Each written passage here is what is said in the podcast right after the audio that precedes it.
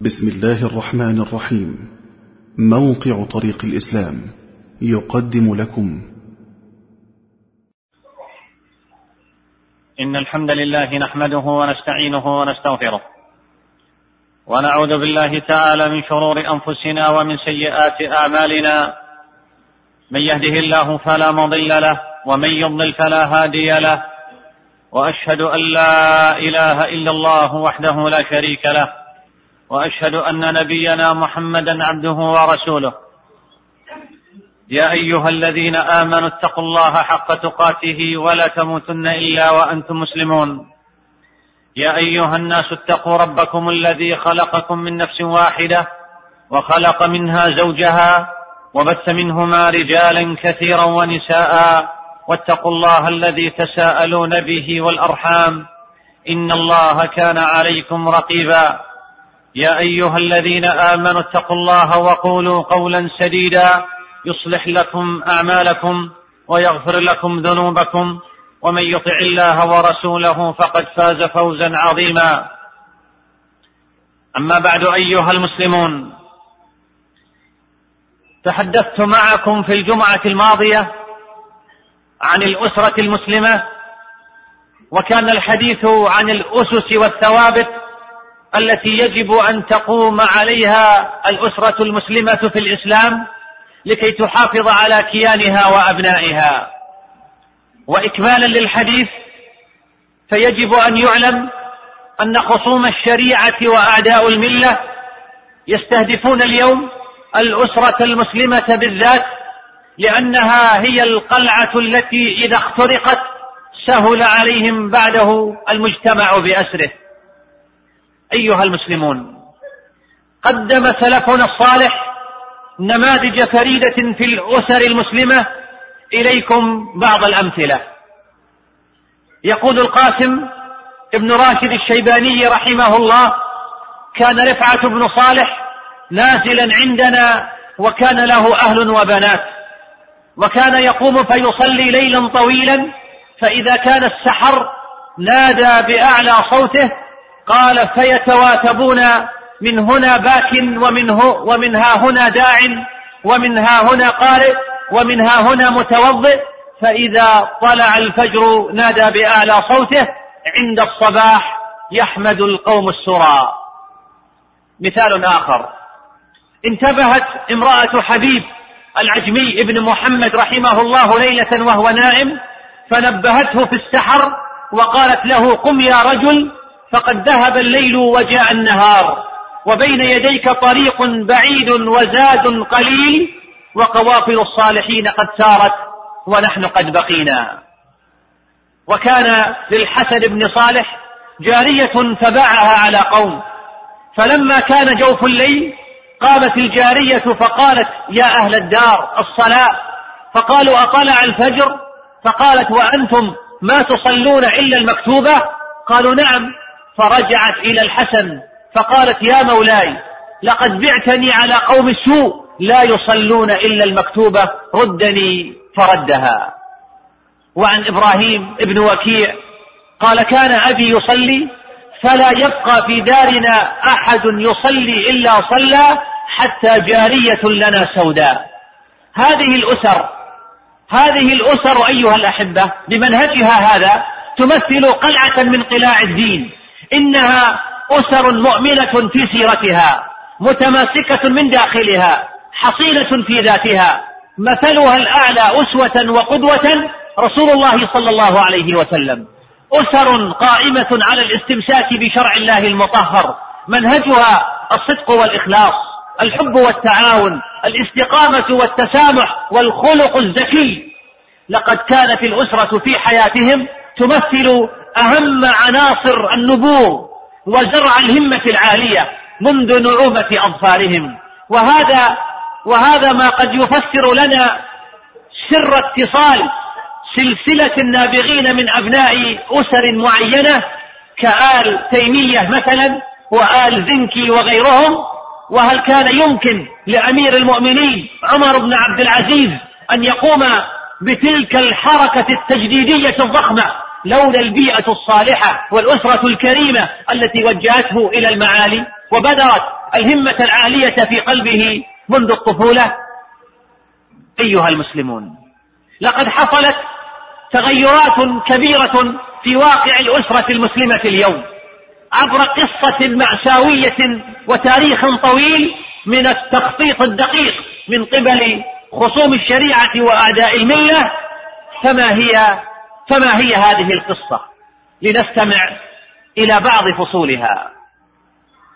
كانت الأسرة المسلمة ولا تزال تمثل قاعدة المجتمع الإسلامي وكانت ولا تزال أيضا تمثل حصن هذا المجتمع وقلعته ومنذ أن اكتشف الغرب بحضارته النصرانية اليهودية أنه لا يمكنه أن يخترق الأمة الإسلامية أو أن يجهز عليها بالوسائل العسكرية عقب محاولاته ومخططاته التي كان آخرها الحروب الصليبية فإن الغرب سعى إلى تغيير وسائله فتحول عن المواجهة العسكرية إلى المواجهة الفكرية والسلوكية وهو ما يعبر عنه عادة في الأدبيات الإسلامية بالغزو الفكري. وكانت أهم أدواته في ذلك إنشاء جيش من من المنصرين والمستشرقين. وتأسيس كراس للدراسات الاستشراقية التي تستهدف اكتشاف العالم الإسلامي واختراقه لمعرفة عاداته وتقاليده ونفسية أبنائه. وبلغ شأو هذه الجيوش الاستشراقية والتنصيرية حدا كبيرا فلم تدع شيئا إلا دست أنفها فيه حتى دخلت مخادع النساء. وكانت جيوش المنصرين والمستشرقين هي طليعة الاستعمار الغربي للعالم الإسلامي. كما كانت هذه الجيوش الاستشراقية هي الأساس الذي قامت عليه مراكز الأبحاث وأجهزة الجاسوسية والمخابرات المتصلة بالنفاذ إلى أعمق أعماق عالمنا الإسلامي. وبعد انتهاء الاستعمار العسكري ظل العالم الإسلامي بحكم موقعه الاستراتيجي وبحكم موارده وبحكم ما يمثله من امتلاك الثروة الحضارية والروحية الهائلة المتمثلة في الإسلام ظل موضع اهتمام لما يمكن أن نطلق عليه الاستشراق الجديد. والاستشراق الجديد أيها الأحبة لا يعتمد في دراسته عن العالم الإسلامي على جنوده وأبنائه من الغرب بل سعى إلى وجود مستشرقين من أبناء العالم الإسلامي نفسه وهم الذين يطلق عليهم اليوم العلمانيون والليبراليون بحيث تقوم علاقة ترابط قوية بين المراكز الاستشراقية في الخارج وبين أطرافها وذيولها في الداخل وتمثل ظاهرة الأبحاث المشتركة عن المجتمع الإسلامي فيما يتصل بمظاهر قوته الخاصة بالصحوة الإسلامية واللغة العربية والجامعات الإسلامية والأسرة المسلمة والحجاب وانتشار السلوك الإسلامي تمثل موضوعات هامة للاستشراق المحلي المرتبط بالاستشراق الجديد في الخارج. فلم يعد الذين يرصدون الظواهر التي تمثل مظاهر قوة في المجتمع الإسلامي من الغربيين وإنما هم من بني جلدتنا. ويتحدثون بألسنتنا. ووجدت نخبة متغربة تتبنى قيم الغرب نمطا للحياة بديلا عن نمط الحياة الإسلامي. وقد استطاعت هذه النخبة السيطرة على مراكز صناعة القرار وخاصة الإعلام والفكر والكتابة والصحف والمجلات. وصارت الذراع الفكرية التي تحمي النظم الحاكمة وتسوغ لها الاندفاع في التبعية للأفكار والقيم الغربية. وبلغت الرغبة في الاختراق حدا مريعا إذ وصل الأمر بالإصرار على اختراق المؤسسة الدينية ذاتها. وكأن الغرب وكأن الغرب يريد أن يقول لنا إنه لا توجد مؤسسة عندكم مهما كان شأنها عصية على الاختراق وبالطبع فإن دراسة الوقائع الميدانية للعالم الإسلامي تمثل مدخلا هاما لصناع القرار السياسي في الغرب. وبعد وبعد سقوط الاتحاد السوفيتي غير مأسوف عليه فإن الدول الغربية صارت هي القوة الوحيدة المهيمنة على العالم وطرحت ما أطلق عليه قبل سنوات النظام العالمي الجديد. ثم جاء نظام العولمة. ورغم أن المصطلح الأول اتخذ طابعا تبشيريا يشير إلى وجود نظام عالمي مرجعي واحد للعالم بحيث تتلاشى الخصوصيات والصراعات وتتوحد المعايير في التعامل مع المواقف المتشابهة إلا أن الوقائع أثبتت فشل هذا المصطلح. أما المصطلح الثاني وهو مصطلح العولمة فرغم أنه حاول المراوغة بالحديث عن نظام اقتصادي تبادلي تيسره الثورة التقنية إلا أنه استبطن فرض منظومة قيمية فيما يتصل بالسياسة والثقافة والاجتماع. ويبدو أن الغرب بدأ يشعر بأنه حقق ما أراده بالنسبة إلى العالم الإسلامي فيما يتصل بالسياسة بسيطرته على النظم الحاكمة وفرض ما يريده عليها وأن شهيته الآن بدأت تتجه إلى نظم الاجتماع والثقافة بفرض نظام موحد في الاجتماع والثقافة وهو ما يمكن أن نطلق عليه عولمة الاجتماع أو عولمة الثقافة. فالاجتماع أساسه أساسه الأسرة والثقافة أساسها القيم الدينية. وفي حالة العالم الإسلامي فإن القيم الإسلامية هي التي تصوغ الاجتماع وتصوغ الثقافة أيضا بل تصوغ حياة البشر والناس. أيها المسلمون إن الغرب إن الغرب شعر أن النظم الحاكمة قدمت عبوديتها وولاءها لكن الناس والبشر والعالم الإسلامي لا تزال تأبى إلا أن تجعل عبوديتها وولاءها لله عز وجل. ومن هنا ومن هنا كان اقتحام عالم الأسرة التي تمثل أساس المجتمع الإسلامي. وبشكل عام فإن الغرب يتمنى سياسة تفكيك المجتمعات أي جعل أهلها شيعا وأحزابا وهي السياسة الفرعونية التي تعبر عن الطاغوتية والاستعلاء. ولكي تفكك هذه المجتمعات فإنها تسعى إلى ضرب مواطن القوة التي تحول دون اختراق المجتمعات الإسلامية. وأحد أهم مواطن القوة في العالم الإسلامي نظام الأسرة الذي يحفظ للمجتمع قوته وتماسكه وتأتي الأسرة والمرأة وقضاياها ذات الأولوية من الهجمة الغربية الجديدة. وهذه الهجمة معاشر الأحبة تؤكد أن الغرب ووكلاءه في المنطقة ينتقلون من التخطيط والإعداد للغزو الفكري والقيمي للعالم الإسلامي إلى التنفيذ. ولذا ها نحن نشاهد هذه التغيرات الكبيرة في نظام الأسرة المسلمة في الأزمنة الأخيرة.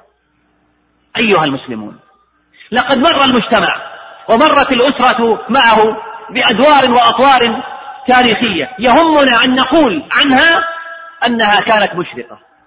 أنها كانت مشرقة لكن اليوم وأمام هذا التردي الذي وقع فيه المسلمون والتخلف الذي جنوه لأنفسهم أمام هذا كله ينهار الإنسان يوما بعد يوم وتكثر التحديات ساعة بعد أخرى وتتعدد الأزمات وتتفاقم.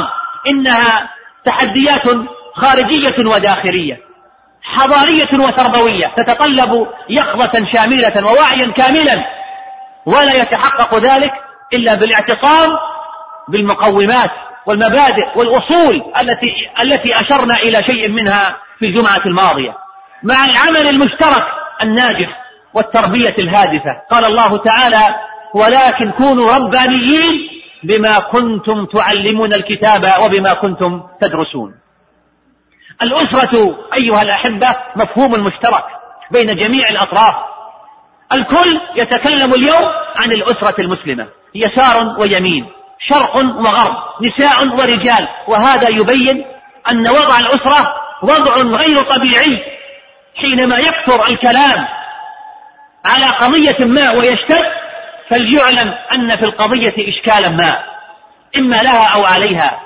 هكذا هكذا اضطرب نظام الأسرة المعاصرة في واقعنا المعاصر وسبب هذا الاضطراب هو الانقلاب الكبير الذي ساد المعايير والاختلال الفاحش الذي أصاب المفاهيم. فبينما كان يسود في الأسرة الإسلامية الحقة أن الدين والأخلاق والتقاليد العريقة هي المعايير التي توجه سلوك الأسرة المسلمة الملتزمة في الماضي. تصبح اليوم أشكال ما يسمى الموضة وقوانين النظام الدولي الجديد وألوان التقليعات وأنماط معينة من التفكير الزندقي الوافد من الغرب ومن سوء التربية الأسرية هي المتحكمة في الأسرة اليوم.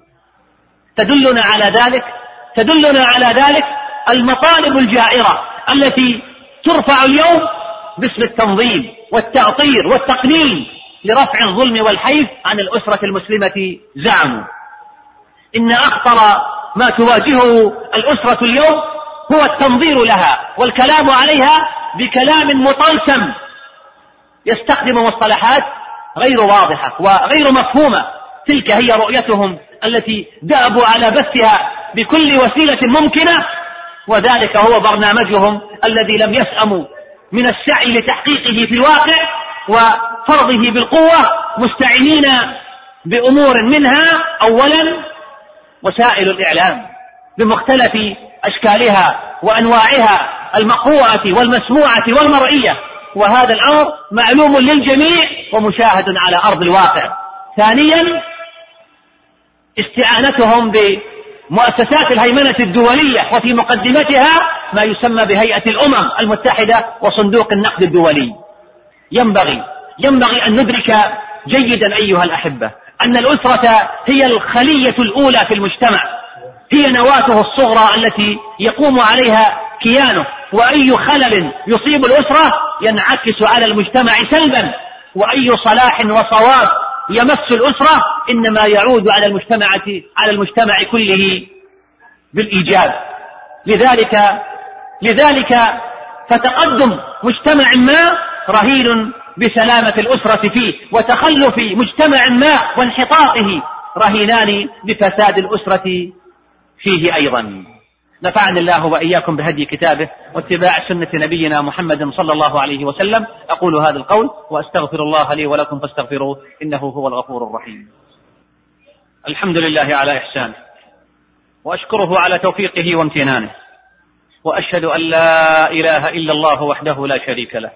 تعظيما لألوهيته وربوبيته وأسمائه وصفاته وأشهد أن نبينا محمدا عبده ورسوله الداعي إلى جنته ورضوانه فصلوات ربي وسلامه عليه وعلى آله وعلى أصحابه وسلم تسليما مزيدا.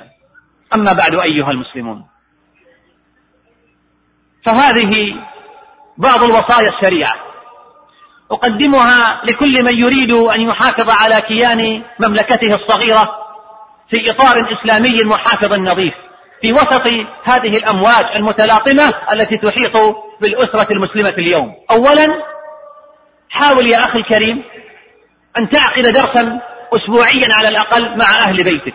ويستحب التنويع فيه فمرة في السيرة ومرة أخرى في الفقه وثالثة في العقيدة ورابعة في الآداب والسلوك وخامسة في المناقب والفضائل ومنه يتعلم الأهل الانضباط في الزمان والمكان ويزيد علمهم ويزكو عملهم وتقوى صلتهم ببعضهم وتزيد ثقتهم بولي أمرهم.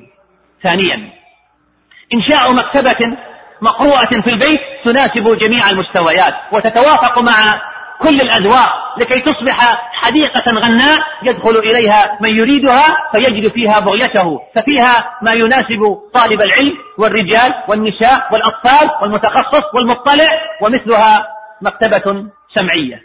ثالثا الاشتراك في مجلة دورية ذات طابع ومنهج إسلامي منضبط سواء كانت أسبوعية أو شهرية أو فصلية. وفي ذلك دعم للمجلة لكي تستمر في العطاء والأهم أن يوجد للأهل بديل إسلامي مبارك وسط هذا الزيف الإعلامي الذي ملأت بيوت المسلمين اليوم. رابعا حضور الأسرة بالمحاضرات العامة في المساجد والمناشط الدعوية كالدورات العلمية والملتقيات وفي ذلك من الفائدة ما فيه وأيضا من الأجور المترتبة عليه وتكثير سواد الصالحين والاستفادة مما يطرحه العلماء والدعاة وطلاب العلم.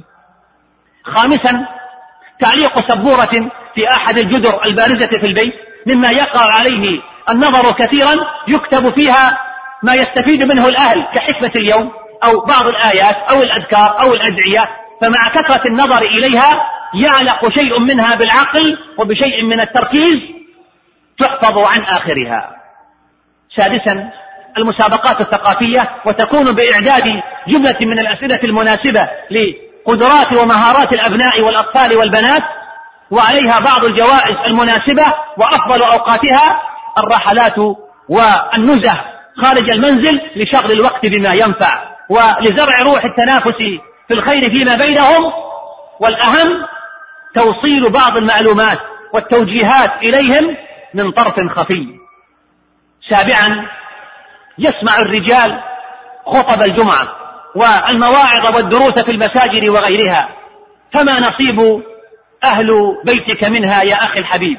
إن من أعظم النفع أن يلخص الرجل ما سمع منها في ذهنه أو في ورقة لينقله إليهم حال رجوعه إلى بيته.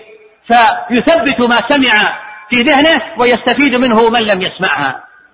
ثامنا الحرص على السكن بجوار المساجد لكي يسمع أهل البيت الأذان والخطب والمواعظ والدروس والكلمات إضافة إلى محافظة الأولاد على الصلوات. تاسعا اقتناء الحاسب الآلي كبديل مناسب لقنوات التقريب مع وجود السيطرة عليه وضبط ما يعرض فيه. عاشرا الاستماع لإذاعة القرآن الكريم المباركة ومحاولة تمديد شبكة من السماعات داخل المنزل لسماع هذه الإذاعة وخصوصا مكان تواجد الأسرة بكثرة مثل المطبخ وغرفة الجلوس. الحادي عشر الصيام المشترك من أهل الدار جميعا. ليس في الفريضة فقط بل حتى في النوافل كصيام يومي الاثنين والخميس وثلاثة أيام من كل شهر وست من شوال ويوم عاشوراء وتاسعاء ويوم عرفة ففي هذا تربية كبيرة في الأسرة جميعا. الثاني عشر خروج الأسرة للعبادات التي يشرع للجميع الخروج إليها كصلاة العيدين والاستسقاء ومثله السفر التعبدي لمكة المكرمة والمسجد النبوي بالمدينة. الثالث عشر تدريب أهل البيت جميعا على الصدقة والبذل في سبيل الله تعالى وإعطاء شيء من أموالهم للفقراء والمساكين من مال الله الذي آتاهم. أخي المسلم إذا إذا لم تتمكن من تحقيق ذلك كله فلا أقل من أن تحاول أن تطبق بعض هذه النقاط وتحاول أن تعيش بأسرتك في بر الأمان. اللهم علمنا ما ينفعنا وانفعنا بما علمتنا إنك أنت العليم الحكيم. اللهم علمنا ما ينفعنا وانفعنا بما علمتنا إنك أنت العليم الحكيم. ربنا آتنا في الدنيا حسنة وفي الآخرة حسنة وقنا عذاب النار. اللهم اغفر لآبائنا واغفر اللهم لأمهاتنا ولعلمائنا ولمن له حق علينا. اللهم صل على محمد وعلى آل محمد كما صليت على إبراهيم وعلى آل إبراهيم إنك حميد مجيد. اللهم بارك على محمد وعلى آل محمد كما باركت على إبراهيم وعلى آل إبراهيم في العالمين إنك حميد مجيد. وآخر دعوانا أن الحمد لله رب العالمين. مع تحيات إخوانكم في موقع طريق الإسلام www.islamway.com والسلام عليكم ورحمة الله وبركاته.